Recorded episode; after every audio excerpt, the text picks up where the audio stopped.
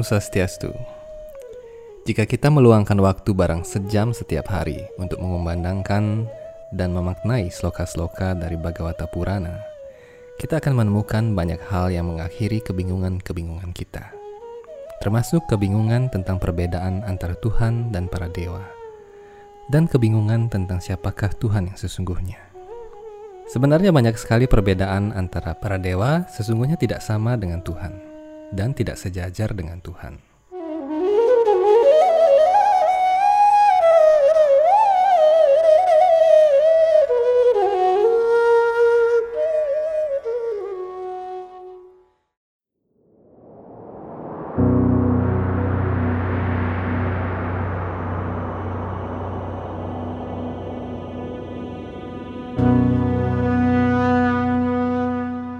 Dewa adalah makhluk hidup suci yang diciptakan oleh Tuhan melalui para prajapati dan dewa Brahma untuk mengatur unsur-unsur alam.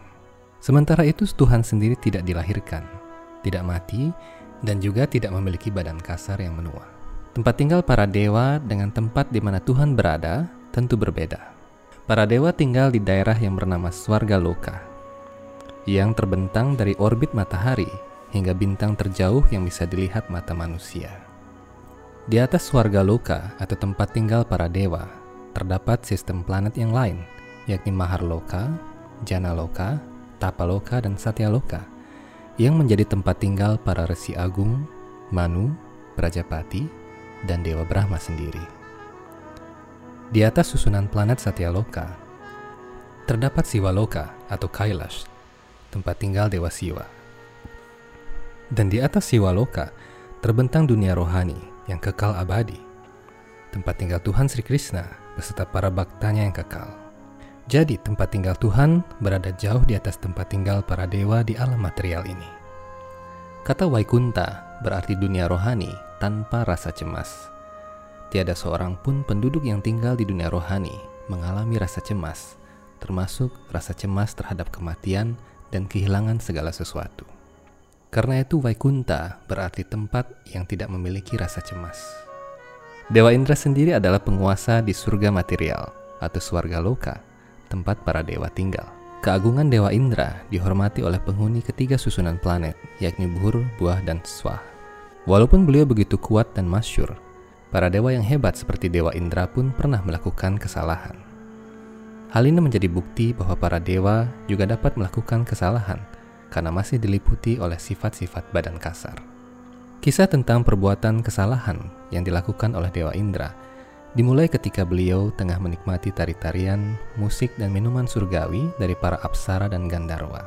Dewa Indra juga dikelilingi para dewa lainnya seperti Dewa Agni, Marut, Ribu, Wiswadewa, Waruna, dan Soma, beserta makhluk-makhluk dari berbagai planet seperti Carana, Widadhara, Kinara, dan makhluk-makhluk lainnya. Tanpa suatu pertanda apa pun, Resi Brihaspati tiba-tiba datang ke balai pertemuan surgawi itu. Dibutakan oleh gemerlapnya kemewahan surgawi, Dewa Indra lupa berdiri dan bersujud pada guru kerohaniannya. Resi Brihaspati hanya terdiam dan langsung menghilang, meninggalkan balai rum. Sebagai guru para dewa, sudah seharusnya penghormatan diberikan kepada Resi Brihaspati oleh seluruh dewa yang ada. Ini merupakan etika dasar sebagai seorang murid dan Dewa Indra melakukan kesalahan dengan tidak memberikan penghormatan kepada acaryanya. Dewa Indra yang menyadari kesalahannya, kemudian bergegas menemui gurunya di pasramannya. Akan tetapi Resi Brihaspati membuat dirinya tidak terlihat agar Dewa Indra kebingungan dan dapat belajar dari kesalahannya. Karena para dewa tidak dapat menemukan di mana guru kerohanian mereka berada, maka seluruh kekuatan para dewa menjadi berkurang. Hal ini menjadi bukti bahwa ada golongan makhluk yang lebih suci daripada para dewa. Para dewa pun, seperti Dewa Indra dan para dewa yang lainnya, harus berguru dan bergantung pada berkat dari orang-orang suci yang tinggal di swarga loka. Akibat kesalahan ini, tidak hanya kekuatan, namun juga kekayaan, kemasyuran, dan kecemerlangan para dewa semakin berkurang. Melihat hal ini, para asura dengan mudah mengalahkan para dewa dan mengambil alih susunan planet surga. Dewa Indra sebagai ketua para dewa dalam urusan material pergi menemui Dewa Brahma. Dewa Brahma adalah sesepuh yang tertua di alam semesta ini. sebab beliau adalah makhluk pertama yang diciptakan oleh Tuhan. Dewa Brahma sangat menyayangkan tindakan Dewa Indra dan menyarankan Dewa Indra untuk memohon perlindungan dari Resi Wiswarupa. Resi Wiswarupa adalah seorang resi yang memiliki tiga kepala. Dewa Brahma menyarankan agar Resi Wiswarupa dapat memimpin yadnya kepada Tuhan agar kekuatan para dewa kembali pulih. Resi Wiswarupa kemudian menyanggupi dengan menjadi pandita di kalangan para dewa. Resi Wiswarupa memberikan mantra khusus untuk Dewa Indra yang dikenal sebagai Narayana Kawaca agar kekuatan para dewa menjadi bertambah untuk menaklukkan para asura. Setelah menjadi pandita bagi para dewa, setiap hari Resi Wiswarupa membuat upacara api suci Agnihotra untuk memuaskan Tuhan Sri Krishna yang adalah penerima utama segala korban suci. Dinyatakan dalam kitab suci Weda bahwa api suci adalah lidah semesta Tuhan, sehingga seseorang dapat memuaskan Tuhan dengan cara mempersembahkan biji-bijian dan minyak samin ke dalam api suci, disertai pengucapan mantra-mantra Weda. Api suci ini tidak dapat diganti dengan dupa atau menyan, sebagaimana spekulasi orang kebanyakan yang tidak memahami maksud sejati Weda. Karena pelaksanaan niatnya oleh Resi Wiswarupa, para dewa berjaya kembali.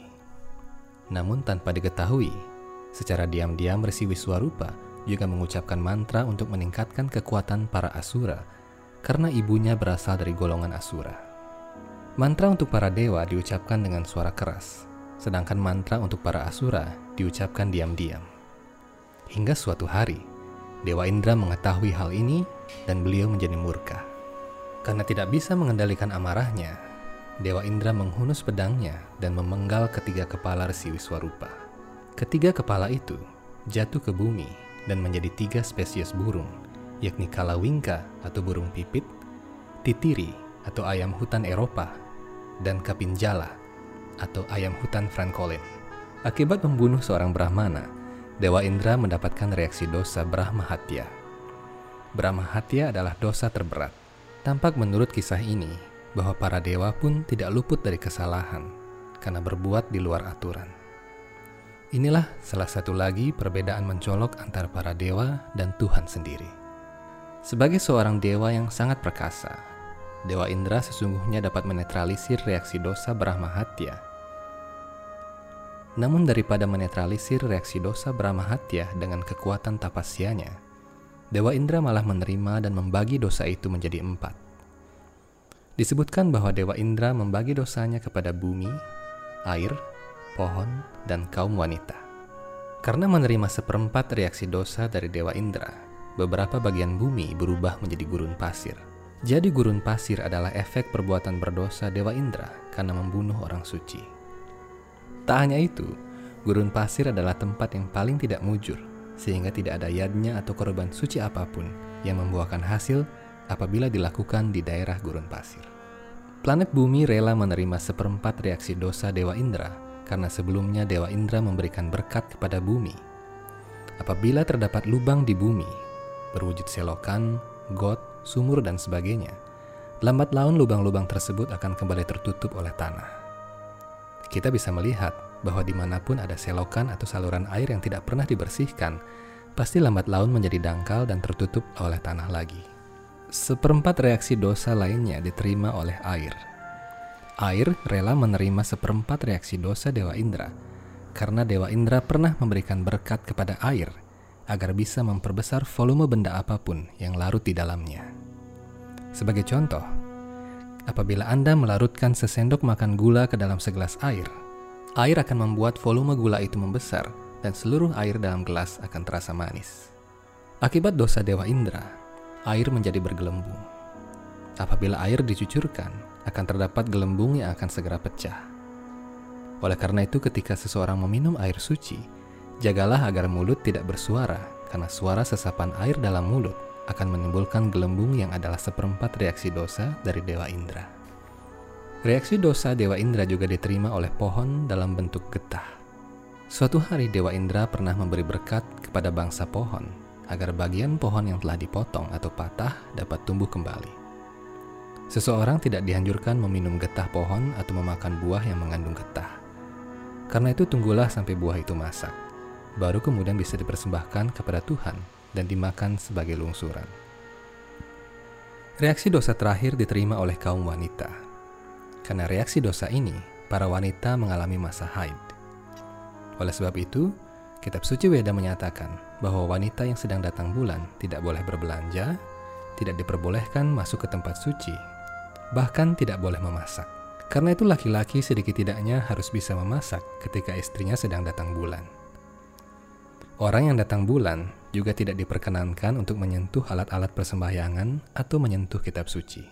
Para wanita diberikan reaksi dosa ini karena Dewa Indra suatu ketika pernah memberikan berkat kepada para wanita agar memiliki energi hingga sembilan kali lebih kuat daripada laki-laki.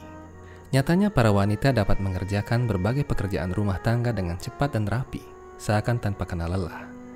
Mulai dari melahirkan, mengurus anak, menyusui, memasak, berkebun, dan bekerja.